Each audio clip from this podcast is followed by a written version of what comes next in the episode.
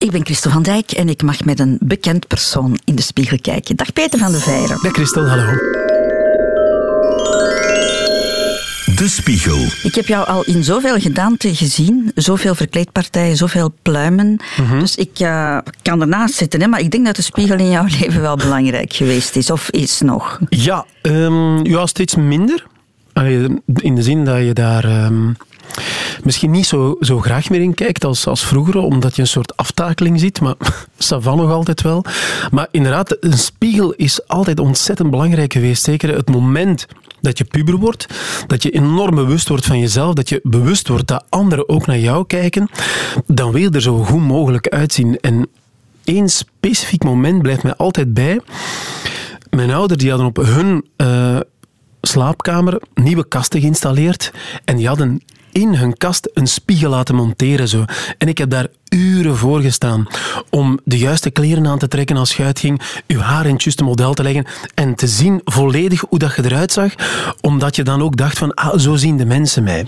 Dus eigenlijk altijd heel belangrijk geweest. Ja, ja dus de blik van anderen heb jij ontdekt uh, rond je 13, 14? Ja, het moet zoiets geweest zijn. Het moment dat je, dat je uitgaat, dat je bewust wordt dat uh, daarvoor was er Oh, ik verkleedde me daarvoor altijd heel graag, maar ik had nooit het idee van ah, mijn haar moet zo liggen of zus. Of, ik was daar eigenlijk als kind ben je daar veel minder mee bezig. De kinderen van tegenwoordig zijn daar veel bewuster mee bezig, omdat er TikTok, Instagram en andere sociale media is. Maar toen was je daar niet mee bezig. Je was, uh, ja, ging buiten gaan spelen, punt. Maar dus ja, dan word je puber en dan word je wel bewust en dan ga je zelf je kleren gaan. Ik was ook, ik denk, een van de enige jongens die ook zijn eigen kleren ging gaan, gaan shoppen. Zo. Ik, ging, ik kocht een busticket, ik ging naar Gent, ik ging naar de Fans, heette dat winkeltje toen, waar ze allemaal donkere en, en hippe kleren hadden.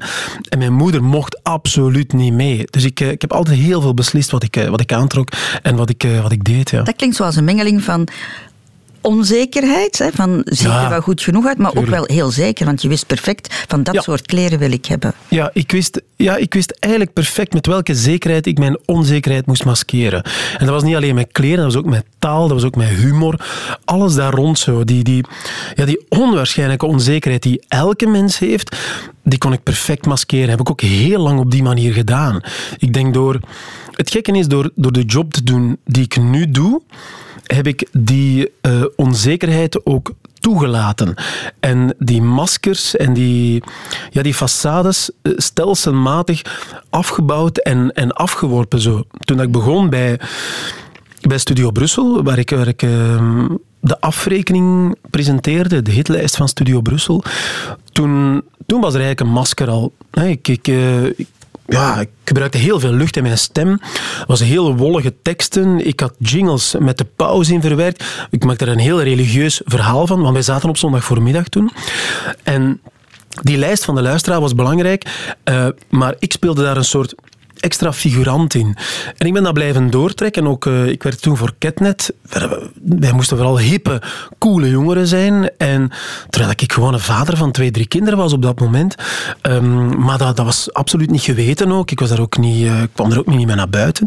En stelselmatig heb ik dat ook opgegeven. Dat dat, omdat ik ook kan merken dat het ook wel makkelijker werkt of zo. Het is heel fijn om je te verschuilen achter iets. Maar het is nog veel fijner om de mensen te kunnen laten zien van ja, ik zit eigenlijk zo in elkaar. En dan nog, je geeft nooit helemaal alles uh, vrij natuurlijk van wat er in jouw kop zit. Nu, onzekerheid is nu wel een woord dat ik niet meteen bij jou zou geplaatst hebben eigenlijk. Dan ja, het is gek, inderdaad, uh, inderdaad heel goed kunnen, kunnen verstoppen. Ja. We gaan eens kijken in de spiegel, toch ook, hè? Want uh, hij, hij ligt hier. Hij ligt hier, ja. Ah, beschrijf die man eens die je nu ziet. het is, uh, ja, goh, dat, is, dat is toch echt altijd zeer confronterend, dit hoor.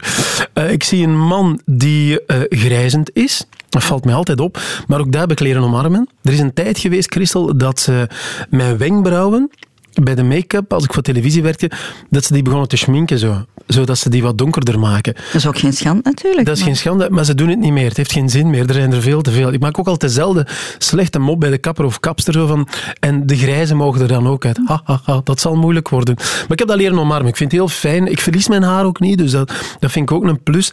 En voor de rest zie ik iemand die Ja, ik ben intussen uh, bijna 52. Um, ik mag niet klagen. Ik heb, zoals ze zeggen, een goed vel. Dat van mijn moeder. Ik heb wel rimpels als ik lach en zo, maar ze zijn, allee, de schade is beperkt. Ja. Maar ik zie niet meer die, die uh, ja, ja, zeggen ze, die jonge twintiger vol brani en, en heel veel ironie en soms zelfs cynisme.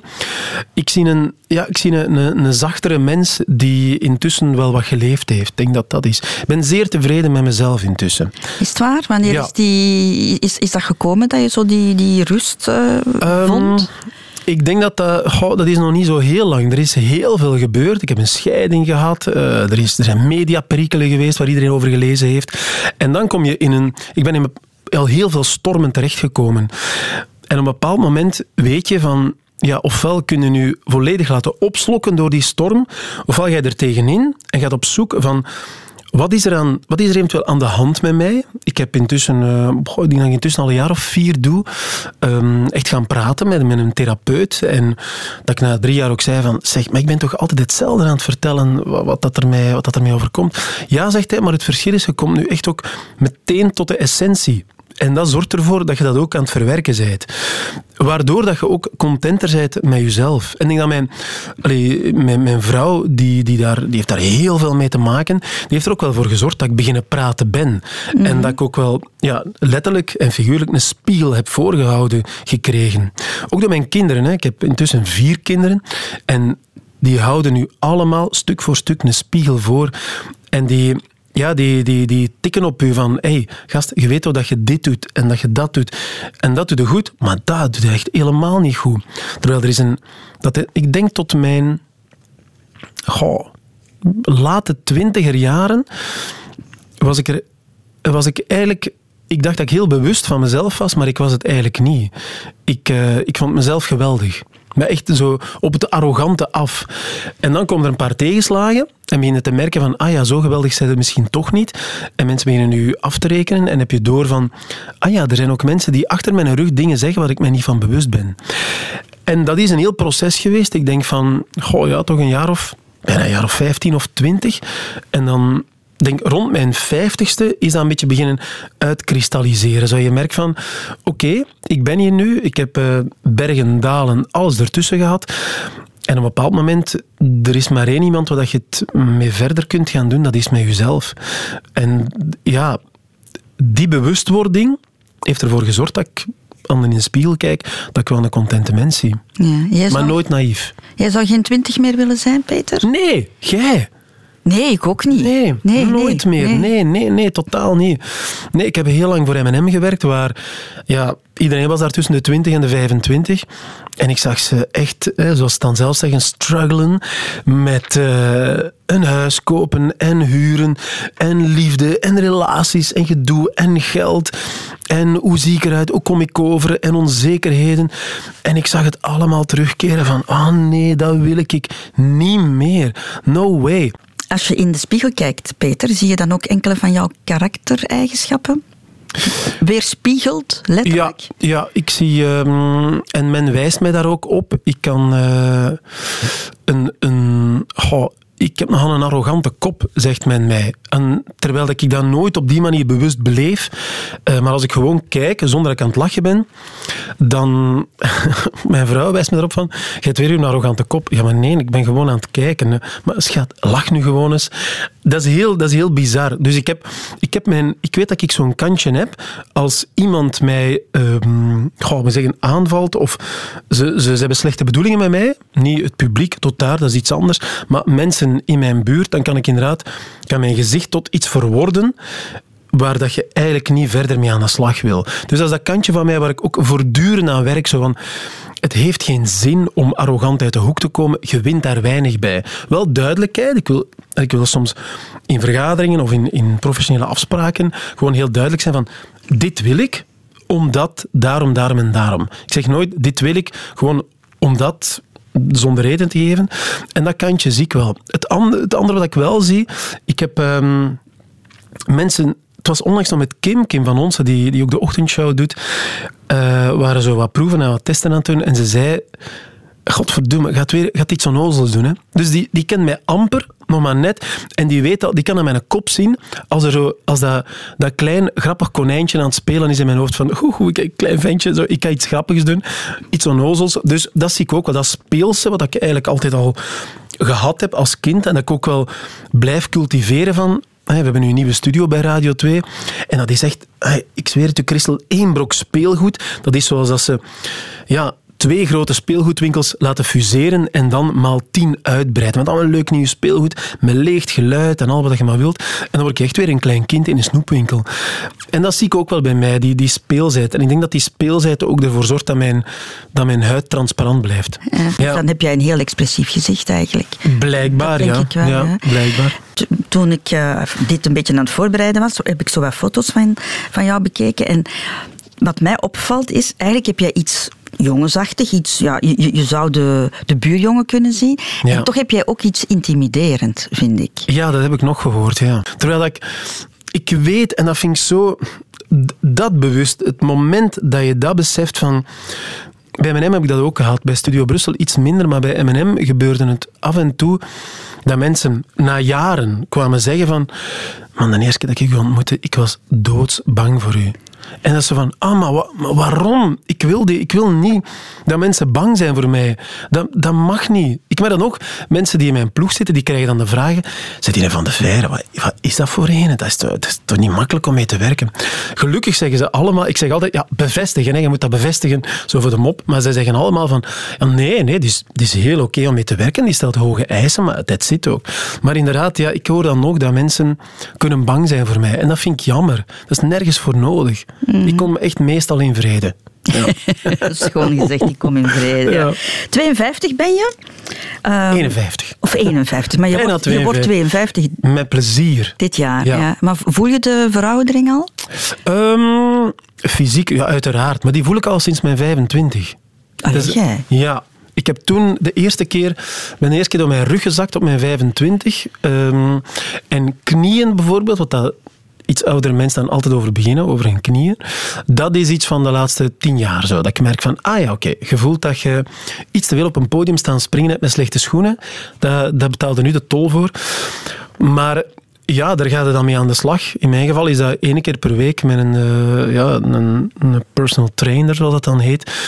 En die ook een heel goede kinesist is. Die gaat met mij mhm. aan de slag. En een uur lang, die bult mij niet af, maar die, die werkt wel aan bijvoorbeeld nu klink ik echt als een, als een, echt een, uh, een bijna zestiger.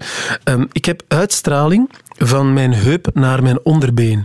En dat heeft dat heeft te maken met een of andere spier, zenuw, bla bla bla. Dus wat heeft hij dan gedaan? Hij heeft die spieren daar rond versterkt. We hebben daar oefeningen op gedaan. En ik ben er eigenlijk quasi vanaf. Dat soort dingen. Dus ik werk daaraan. Dingen die, die ik merk van, dat begint te mankeren. Dan moet je ze of niet te veel belasten, of je moet zorgen dat die belasting opgevangen wordt. Um, hetzelfde met, met voedsel, hetzelfde met mentale gezondheid, noem maar op. Zo. Dus ja, hoe ouder je wordt, hoe bewuster je wordt van, van heel je zijn en hoe fijner je daarmee aan de slag kan. Maar ik vind, dat, ik vind oprecht, sinds mijn veertigste, vind ik het niet erg meer om ouder te worden. Ah ja. Nee. Ik weet wel zo, um, ik denk alles na 80, dat ik dat zie gewoon met mijn ouders, dat is natuurlijk wel minder interessant. Dan, dan moet je echt zorgen dat je de 30 jaar daarvoor toch een beetje daar rekening mee gehouden hebt. Hoe oud is jouw mentale leeftijd? Uh, ja, ik zeg altijd jaar of tien. Natuurlijk is hij wel wat ouder, maar ik denk dat hij toch nog altijd ergens uh, ja, in de twintig is. Denk dat die... Mhm. Maar ben je ook nog flexibel in, in, in je denken, in, in meegaan? Denk het wel, Niet ja. de vastgeroeste nee. structuren? Nee, er zijn... Ik kan mij uiteraard ergeren aan dingen, maar ik merk wel... En dat heeft waarschijnlijk te maken met het feit dat ik altijd voor een jong publiek gewerkt heb, Willis Nille soms. Um, want ik zat bij Studio Brussel. Ik was 35 en een journaliste vroeg mij van... Amai, je bent al 35 en je werkt nog voor een jongerenzender. En toen was Studio Brussel echt de jongerenzender. Ja, toen was het ook al van, ja, ik had er nog nooit bij stilgestaan. Ik ben op mijn vijftigste gestopt bij M&M, wat echt de jongerenzender is intussen. Um, maar die jonge mensen die houden nu ook ja, flexibel in hun hoofd. Door het feit dat die op een bepaald moment het hele woke-verhaal heb ik eigenlijk heel snel zien gebeuren. Ik had eerst niet door van woke, wat is woke? En ja, ze leggen u dat bijna uit. Je voelt je dan even zo van, oké, het moment dat ze mij dingen moeten beginnen uitleggen. Maar dat, komt, dat was heel natuurlijk. Dus ik ben in heel die gedachtegang blijven zitten. En daarom moet je daar niet specifiek in meegaan. Maar ik snapte wel waar ze mee bezig zijn en waar ze mee bezig waren. Ik heb er wel heel veel respect voor. Uh, zonder mij daar keihard tegenaf te zetten. Wel kritische vragen bij te stellen. Maar mijn hoofd staat er nog altijd voor open. En dat is eigenlijk altijd wel geweest. Het is een periode geweest in mijn leven, ik denk opnieuw in de puberteit, zo een beetje later, dat je dan je weg aan het zoeken zet en dat je je eigen pad wil, wil volgen waar ik veel beperkter was in mijn denken. Ik was bezig met, ja, zelfs met, met anarchisme en, en met hele linkse communistische gedachtegoederen. En totdat je dan merkt van, ja, uiteindelijk wat er in, in de Sovjet-Unie gebeurd is, misschien was het ook allemaal nogal speciaal. Stalin was toch eigenlijk nog niet zo goed bezig. En dan, dan heb ik mijn hoofd weer, weer opengezet en heb ik gemerkt dat dat veel bevrijdender is. Zo. Op muzikaal vlak ook. Ik was alleen bezig met, met rock en harde punk en alles wat dat dans, muziek was en disco en funk en soul. Ah, dat was allemaal niet nodig en ik wou dat allemaal niet. Het moment dat ik mij dat weer voor opengesteld heb, dan is er een soort... Ik ben, ik ben bevrijd. Dat was een soort verlichting voor mij. Dus op dat soort momenten heb ik ook altijd geleerd van, weet je, het heeft geen zin om je zo te verengen. Het is zoveel fijner om je hoofd open te zetten voor alle meningen, zolang dat allemaal met respect voor elkaar gebeurt. Mag ik zeggen dat je er stoerder uitziet dan, dan vroeger? Iets mannelijker? ook dat heb ik nog gehoord, Christel. Ja, ja misschien met baardje of zo, of misschien met het feit dat... Uh... In mijn herinnering had je zo een, een, een, ja, geen, geen baard. Had je zo een melkvelletje. Nee. Oh nee, nee, ik heb, uh, ik heb heel lang geen baardgroei gehad, effectief. Zo ah, denk dat het maar iets is van de laatste... Uh, zes, zeven jaar of zo, ja.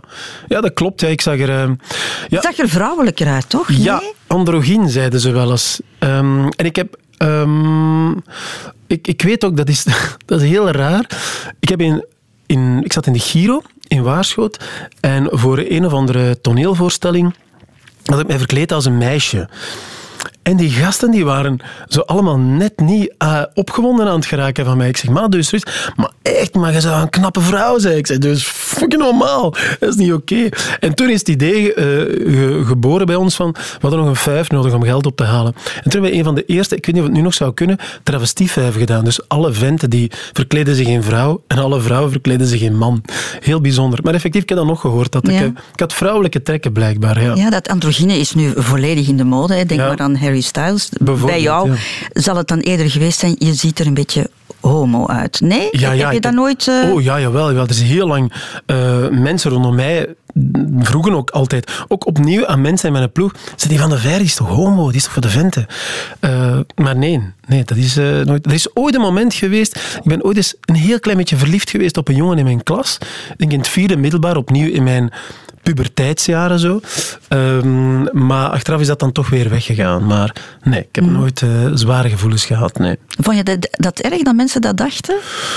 Ja, op een bepaald moment wel. Maar ook, ook dat had ik uh, misschien zelf geïnstalleerd in de zin van niet over mijn privé te praten. Ik, ik, uh, er was een soort afspraak binnen mijn gezin van, weet je, ik heb hiervoor gekozen, jullie niet. We gaan er ook niet mee te koop lopen. En dat was, dat was uitgesproken. Um, waardoor dat mensen ook niet door hadden van... Ja, en mensen vinden het altijd heel boeiend om daar dan over te speculeren van welke geaardheid heeft die mens. Maar had ik daar last mee? Ja, nee, dat is, uh, maakt deel uit van, van circus zeker, ja. Mm -hmm. Je hebt toch gezegd dat je je moeder een beetje ziet in de spiegel? Ja, de huid heeft zo dezelfde goede huid heeft. Mijn moeder is uh, eh, 71 intussen, heeft wel wat rimpels, maar dat is eigenlijk heel beperkt. Dus die... Uh, en ik zie ook fysiek mijn moeder. Ja? Ik heb, Lijkt ja, het meest op je mama? Uh, ja, ik, be, lijk behoorlijk op mijn, op mijn moeder eigenlijk. Zo mijn, als je dat... Als kind, niet als kind leek ik gigantisch op mijn vader, heel gek. Maar dan met ouder worden merk ik dat ik de gelaatstrekken van mijn moeder ook wel heb. En dat is, uh, ja, dat is een zekerheid dat ik van mijn vader en mijn moeder ben, dus dat is goed. Ja. Qua karakter ook meer de mama dan, dan je vader? Dat is echt ook een mix. Mijn moeder is ook iemand die um, soms heel onzeker door het leven is gegaan. Dat, dat is die kant. Um, mijn vader heeft een, dan weer een kant waar hij... Uh, zo emoties, dat is moeilijke geweest bij ons in het gezin. En ooit een gesprek met hem gehad daarover, waar hij letterlijk zei, op een bepaald moment zegt van, maar, pa, weet je, je kunt toch niet altijd content zijn? Hè? Je hebt het toch ook gehad? Ja, maar manneke, moet ik u dat toch niet meer lastigvallen? En dat vatte perfect, dat wil zeggen, de 75 jaar daarvoor samen. Ik heb mijn vader amper ongelukkig gezien. Die zei dat wel eens van, we hebben niet zo'n simpele jeugd gehad, maar die ging altijd met een positieve blik in het leven. Zo.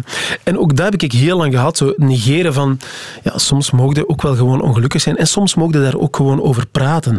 Hoeft daar inderdaad niet voortdurend mensen mee lastig te vallen, maar het is wel handig dat de andere weet hoe dat je in het leven staat. Ik denk, die, die combinatie, en dat speels, mijn vader is een heel speelse mens, een super enthousiaste, super geïnteresseerd in, in al dat soort dingen, eh, in alle soorten dingen. En ik denk dat dat deel heb ik wel van hem. Uh, maar bijvoorbeeld, mijn moeder heeft, heeft geen pleinvrees, maar die heeft wel zo... Um, ja, zo in, in groepen, dat is nooit een evidente voor haar geweest. Terwijl mijn vader, die, die kan tegen een stoel klappen en die stoel gaat terugpraten. Dat is, dat, is, dat is maf. Dat is echt onwaarschijnlijk. Die kan echt met iedereen praten. En dat is iets wat ik altijd naar opgekeken heb. Ik kan het zelf niet op die manier. Omdat ik heb dan het voordeel, als je bekend bent, dan komen mensen met u praten en dan moet je alleen maar luisteren. Dat is soms eigenlijk heel handig. Ja. ja. Als we nog eens even naar jouw lichaam kijken, Peter. Wat had beter gekund?